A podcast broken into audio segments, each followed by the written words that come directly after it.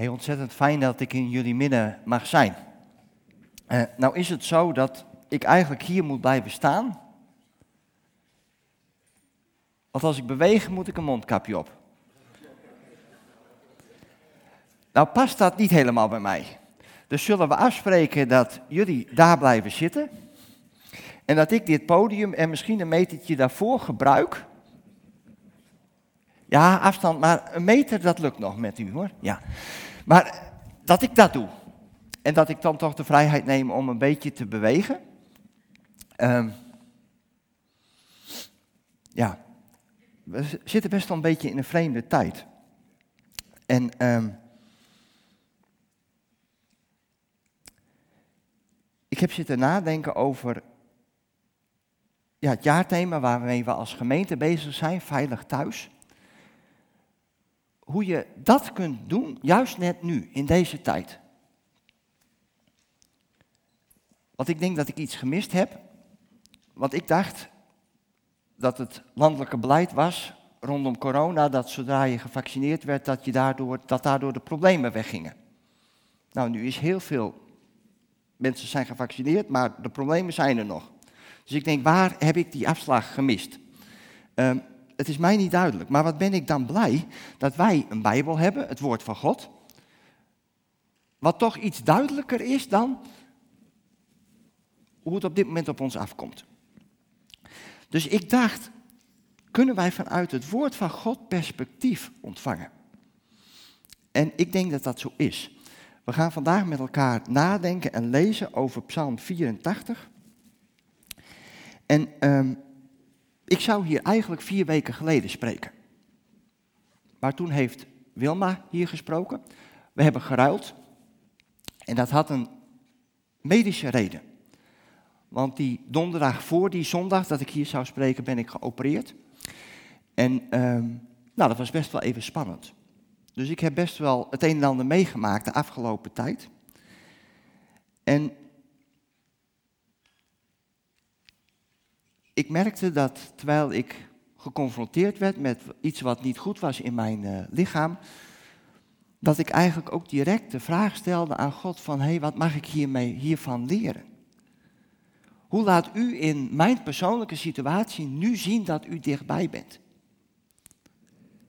En het maakte dat ik uh, nou, bijvoorbeeld de vrijmoedigheid voelde om, voordat de ingreep bij mij plaatsvond, dat ik even het medische team vroeg om te wachten, zodat ik voor hun kon bidden.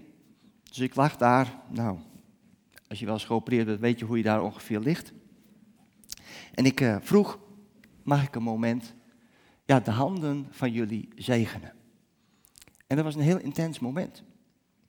En toen ik nou, na die tijd weer, na die operatie bijkwam, had ik daar een heel fijn en goed gevoel bij dat God ook door de handen van de doktoren iets bijzonders in mijn lichaam uh, hebben gedaan. En uh, anderhalve week geleden hoorde ik de uitslag en die was uh, heel positief. Ik heb de beste medische uitslag gekregen die ik kon krijgen in mijn situatie. Dus daar ben ik ontzettend blij mee. En dat maakt mij ook ontzettend dankbaar dat, dat ik hier mag zijn en dat ik ook jullie nou ja, het woord mag bedienen. Um, maar in die situatie gaf, ja, toen ik daarvan vertelde en ik daarvan getuigde, was er iemand die mij een tekst uit Psalm 84 doorgaf. En dat was heel bijzonder dat dat gebeurde. En ik denk, hé, hey, daar, ik denk dat God ook vanmorgen iets tegen jullie daardoorheen wil zeggen. Dus ik wil graag Psalm 84 lezen. En Psalm 84 is een psalm waar best veel over te zeggen is qua, qua context, qua achtergrond. Waarvoor het bedoeld was, de eerste lezer. Maar ik wil jullie eigenlijk uitnodigen om ook met de oren van je hart te luisteren. Als je nu Psalm 84 hoort.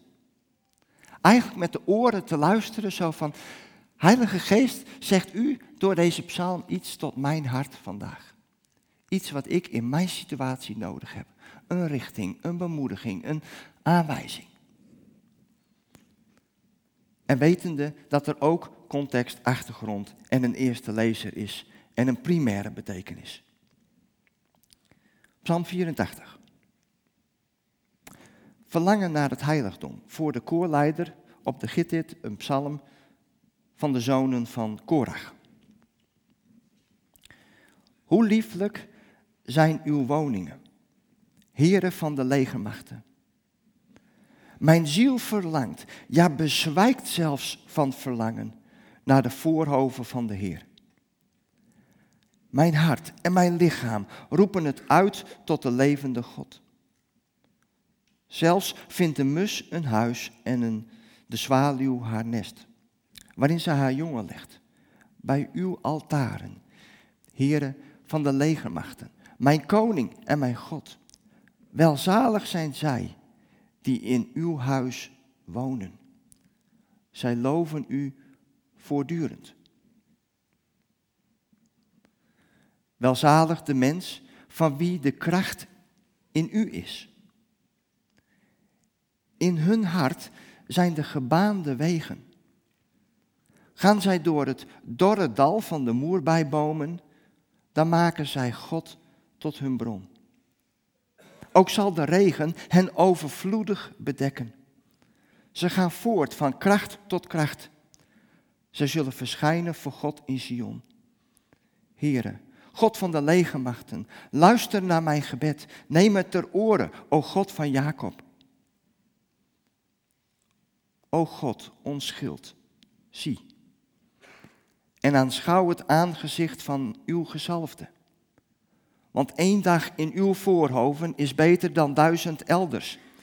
Ik verkoos liever te staan op de drempel van het huis van mijn God dan lang te wonen in de tenten van de goddeloosheid.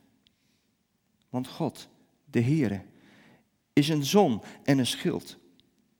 De Heere zal genade en eer geven. Hij zal het goede niet onthouden aan wie in oprechtheid zijn weg gaat. Heren van de legermachten, welzalig de mens die op u vertrouwt. Ja, dank u wel, Vader, dat we deze psalm hier in ons midden mogen lezen. En dank u wel, Heer, dat u met uw Heilige Geest door de rijen bent gegaan. En ons in het hart hebt aangewezen, dit is voor jou. Dank u wel voor die wonderlijke woorden. Al eeuwen oud, maar nog steeds relevant hier en nu. En Heer, ik bid u dat als we verder deze tekst gaan bestuderen, als we gaan kijken wat we daar in ons leven mee kunnen, Heer, dat u ook daarin richting geeft. Dat u ook daarin ons aanmoedigt. Dank u wel dat u onze God, onze Vader bent en blijft. Van nu aan en voor altijd. Amen.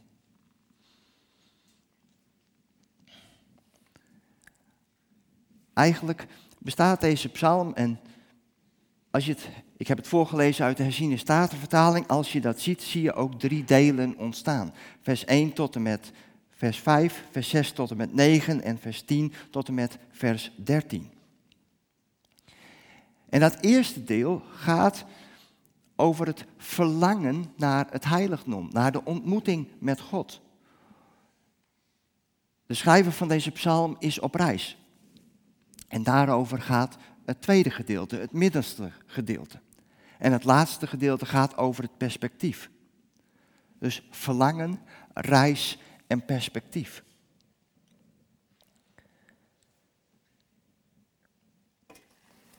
De reis die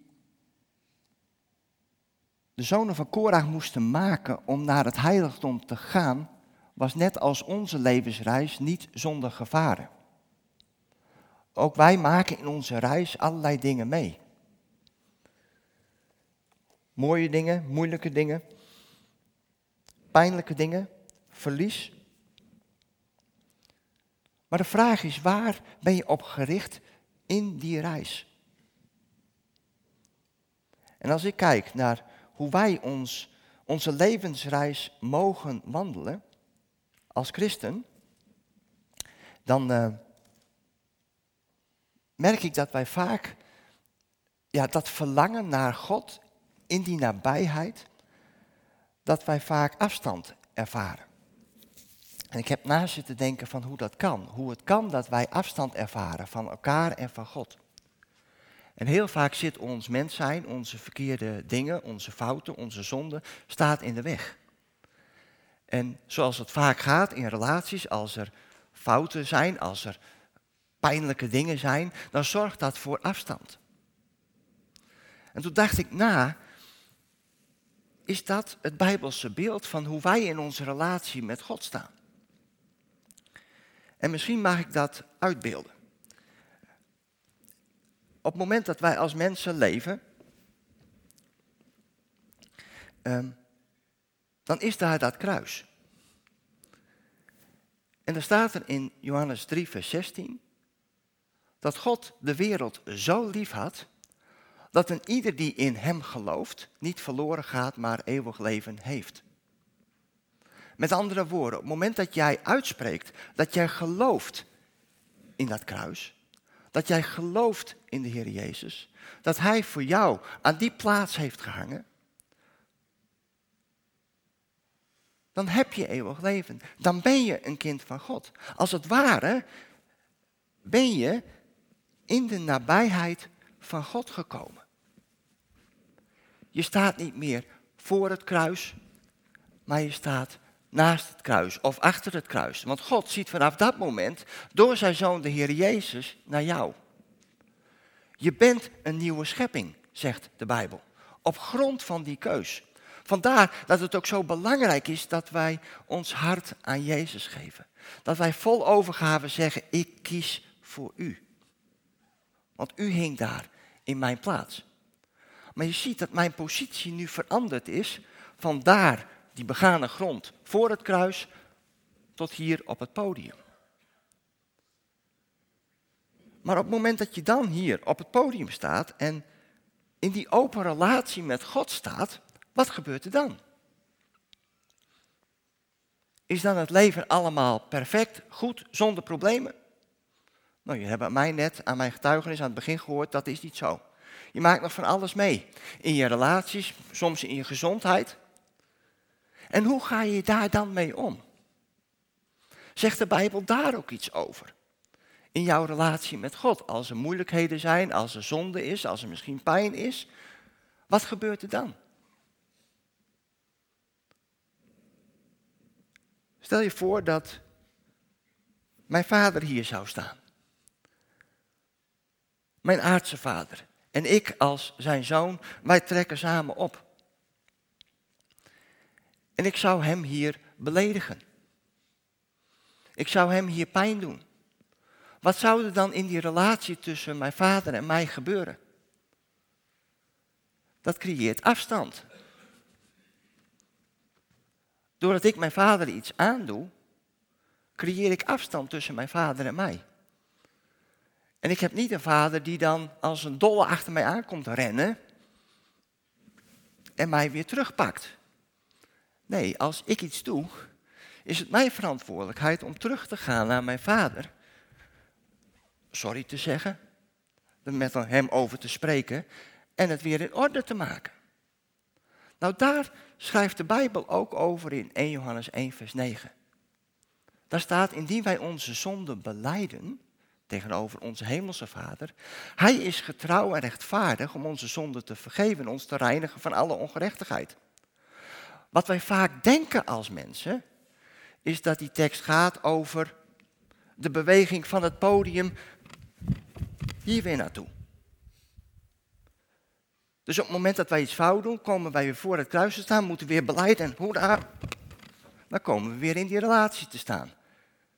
Dan gaat het weer mis. En dan moet je hier weer staan. En dan ben je weer, nou ja, verloren. Totdat je tot geloof, tot bekeren komt. En ja, daar zijn we weer. Nou, als dat het Bijbelse beeld is, ik word er nu al bijna moe van. Ja. En ik kan me voorstellen dat jullie daar ook moe van worden als je op die manier in je relatie met God staat. Maar de Bijbel zegt dus duidelijk dat als je die keuze hebt gemaakt, dan ontvang je eeuwig leven, ben je een nieuwe schepping, jouw positie is wezenlijk veranderd. Maar in die positie verandert dus wel eens wat in die relatie op het moment dat wij nog niet leven volgens die bestemming. En daar dus 1 Johannes 1 vers 9, beleid dat. Beleiden is niet iets anders dan hetzelfde zeggen als God over jouw situatie, over wat er gebeurd is. En dan wordt daar het woord gebruikt in 1 Johannes 1 vers 9 van vergeven. Vergeven is achterlaten. Je laat het achter. Je hebt het er met elkaar over gehad, je hebt er hetzelfde over gezegd en dan zeg je, ik laat het achter, ik laat het rusten, het is goed, het is vergeten, het is vergeven, het is, het is in orde. Want we denken er met elkaar hetzelfde over. En dan kun je doorgaan in die relatie die je met God hebt.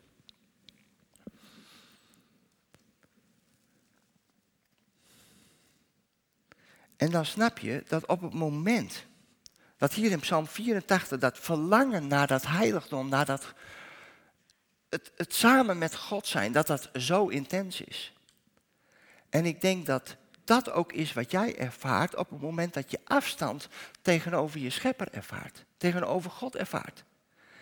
Ergens voelen we dan in ons binnenste dat verlangen naar die intense relatie, naar die nabijheid weer.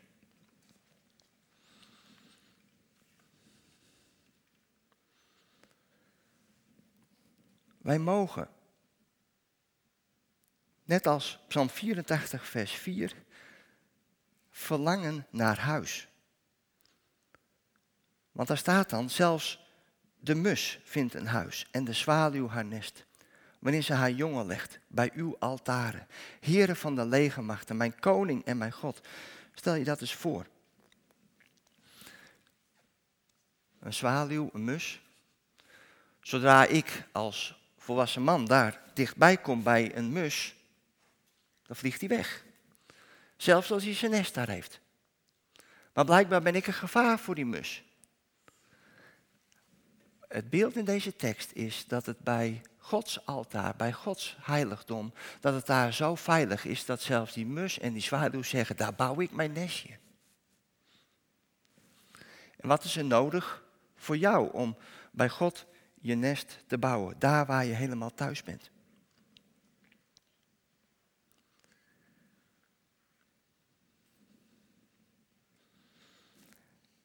Dan komen we bij het tweede deel van deze psalm. De versen 6 tot en met 9. Dan gaat het over die reis. Daar waar de zonen van Korach zo verlangden naar, die, naar dat heiligdom, naar die intense, ja, dat intense samenleven, dat thuis zijn bij God moesten zij die reis maken. En wat ik dan bijzonder vind, dat er in vers 7 staat, gaan zij door het dal, door het dorre dal van de moerbijbomen, dan maken zij God tot hun bron.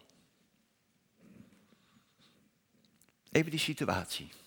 Je komt vanuit een omgeving en je trekt op naar Jeruzalem. En je moet daar door een heuvelachtig landschap, soms door bergen heen. En ergens kom je daar en je ziet het al vanaf een heuveltop, zie je daar een heel dor dal voor je liggen. Een dal waar er geen blaadjes meer aan de bomen zitten.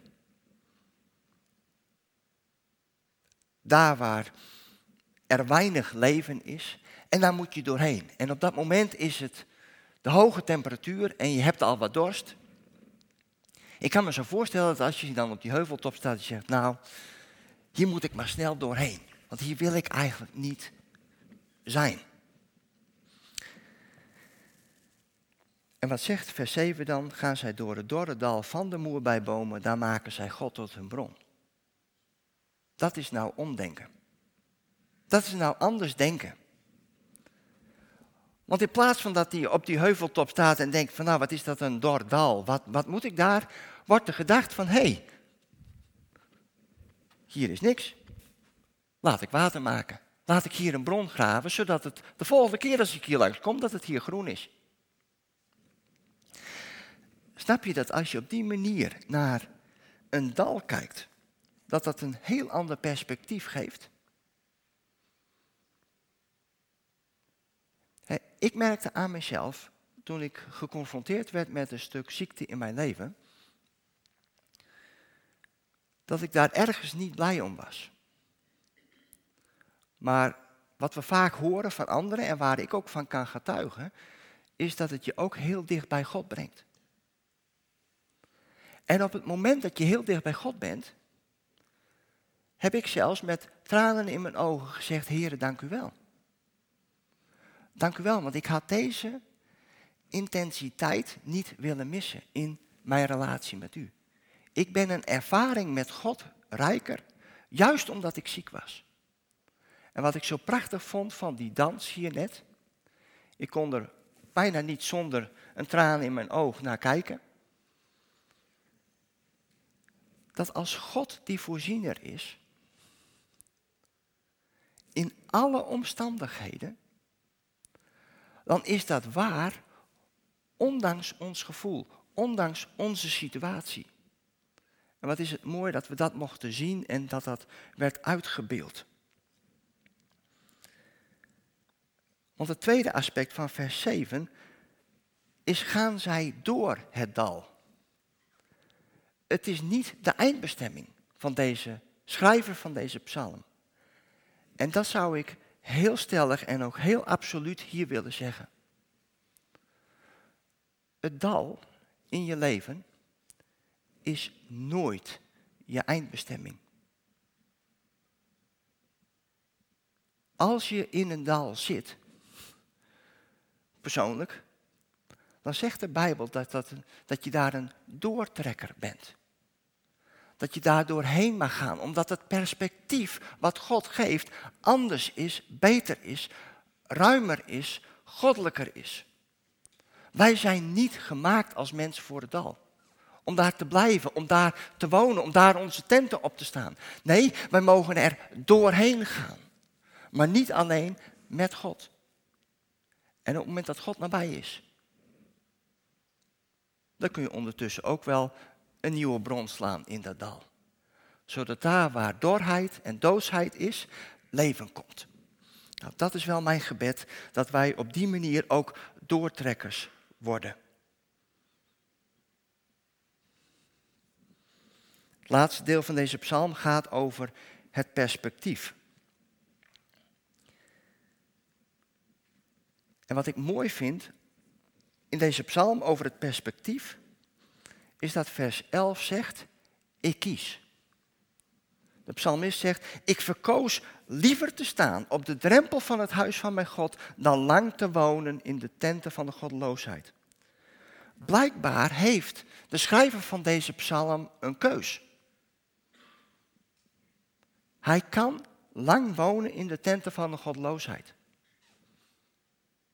Maar hij kiest ervoor om liever te staan op de drempel van het huis van mijn God. Hij kiest ervoor om één dag in die voorhof van de tempel te zijn dan duizend dagen ergens anders. En dat wil ik ook tegen jou zeggen. In jouw situatie, in jouw omstandigheden, vandaag, heb jij een keus. Je hebt een keus hoe je erin staat. Hoe je het ervaart. Welke richting jij opkijkt.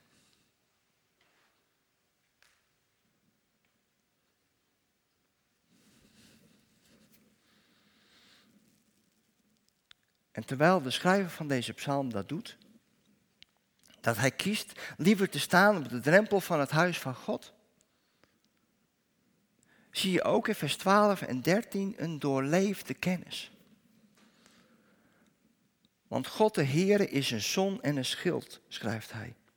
De Heere zal genade en eer geven, hij zal het goede niet onthouden. Op het moment dat wij leven met God, niet meer voor het kruis, maar hier in de nabijheid van God, gaat ons levenswandel zorgen voor nieuwe ervaringen. Nieuwe ervaringen, hand in hand met God. En dat zorgt ervoor dat we niet meer van een afstand zeggen, u bent mijn God en mijn schild. Maar dat je weet dat die grote God als het ware naast jou staat en een schild is voor je rondom je. Als God daar op een hele grote afstand zegt, Martijn, ik ben jouw schild. Dan denk je, ja, dat is mooi. Dat geloof ik. Maar dat is heel anders dan dat hij hier naast mij staat. En dat het gevaar omheen is. En dat hij het schild voor mij opheft. En zegt, Martijn, ik ben jouw schild. Want dan heb ik een plek om achter te kunnen schuilen. Dat is het verschil tussen iets weten of de doorleefde kennis van het hart. En deze psalmist schrijft dat hij doorleefde kennis heeft van God. En wat is dan ja, zijn perspectief? Is dat hij in de nabijheid van God mag zijn. Maar wat is ons perspectief? Wat is jouw perspectief in de situatie waarin jij vandaag zit?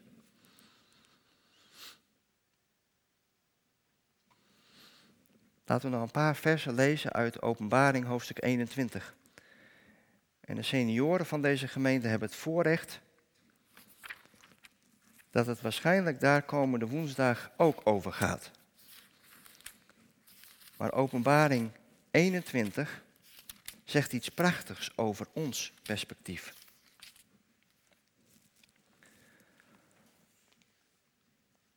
We komen midden in de openbaring van Johannes, die hij krijgt op Patmos, waarin de Heilige Geest Johannes laat zien hoe het na die tijd dat hij die profetie krijgt zal gaan. En dan lezen we in Openbaring 21, en ik zag een nieuwe hemel en een nieuwe aarde, want de eerste hemel en de eerste aarde waren voorbij gegaan. En de zee was er niet meer. En ik, Johannes, zag de heilige stad, het nieuwe Jeruzalem, neerdalen van God uit de hemel. Gereed gemaakt als een bruid die voor haar man sierlijk is gemaakt. En ik hoorde een luide stem uit de hemel zeggen, zie, de tent van God is bij de mensen en hij zal bij hen wonen. En zij zullen zijn volk zijn. En God zelf zal bij hen zijn en hun God zijn. En God zal alle tranen van hun ogen afwissen. En de dood zal er niet meer zijn. Ook geen rouw, jammerklacht of moeite zal er meer zijn. Want de eerste dingen zijn voorbij gegaan. En hij die op de troon zit, zei, zie, ik maak alle dingen nieuw. En hij zei tegen mij, schrijf, want deze woorden zijn waarachtig en betrouwbaar. Zie, ik maak alle dingen nieuw. Schrijf het op, Johannes. Want deze woorden zijn waarachtig en betrouwbaar. Op het moment dat je geknield bent voor het kruis van Jezus en leeft in de nabijheid van God, is dit jouw perspectief. Alles wordt nieuw. Niet alles in het hier en nu is waardeloos. Want de tekst zegt dat het als het ware vernieuwd wordt. En dat klopt ook, want als God in Genesis 1 en 2 de hemel en de aarde maakt, wat zegt hij dan? Dat het goed is. En als hij mensen maakt, zegt hij dat het zeer goed is. En God die iets wat zeer goed is gemaakt heeft. Zal je dat aan de kant schuiven en met iets nieuws beginnen? Nee, Gods woord is betrouwbaar. En als hij zegt dat het goed is, dan is het goed. En hier wordt het vernieuwd. Dus alles om ons heen wordt vernieuwd. Jouzelf, jouw omstandigheden, de hemel en de aarde. En dat is ons perspectief. En dat mag nu al zichtbaar worden in de gemeente. Want daar waar wij als dienaren van de levende God die nieuwe schepping zijn, zal ook al die nieuwheid die hier in Openbaring 21 beschreven staat, deel worden van de gemeente. Maar straks wordt het zichtbaar voor elk oog. En is het einddoel van ons als mensen dat wij opstaan uit de dood en voor altijd bij de Here zijn. de liefde, de kracht van God is sterker dan de grootste kracht op dit moment in de aarde, namelijk de dood. En dat is bijzonder, dat is mooi. En met dat perspectief mogen wij verder gaan van hier. En ik wil het muziekteam uitnodigen om alvast naar voren te komen. Want er is een prachtig lied geschreven juist net over nou, deze tekst, over dit onderwerp. Alles nieuw. En het muziekteam heeft echt haar best gedaan om dit in al zijn creativiteit ook voor ons nou ja, te brengen. Dus als je het lied kent, zing gerust mee en anders luister. En laat nog even de woorden van God diep doordringen in je hart. En zullen we nog een moment bidden. Heere God, dank u wel voor wie u bent. Dank u wel voor deze kostbare psalm. Dank u wel voor het verlangen, voor de reis en voor het einddoel. En dank u wel dat u ook in het hier en nu tegen ons zegt wat u wilt zeggen. En ik bid, Heer, dat u doorgaat met ons aanmoedigen, met ons onderwijzen. Heer, zodat wij meer en meer in die nabijheid van u zullen zijn. Dat ons verlangen ter volle op u gericht zal zijn. En dank u wel, Heer, dat u de voorziener bent. In al onze omstandigheden. En dat u de schepper en de herschepper, de vernieuwer bent. In Jezus' naam.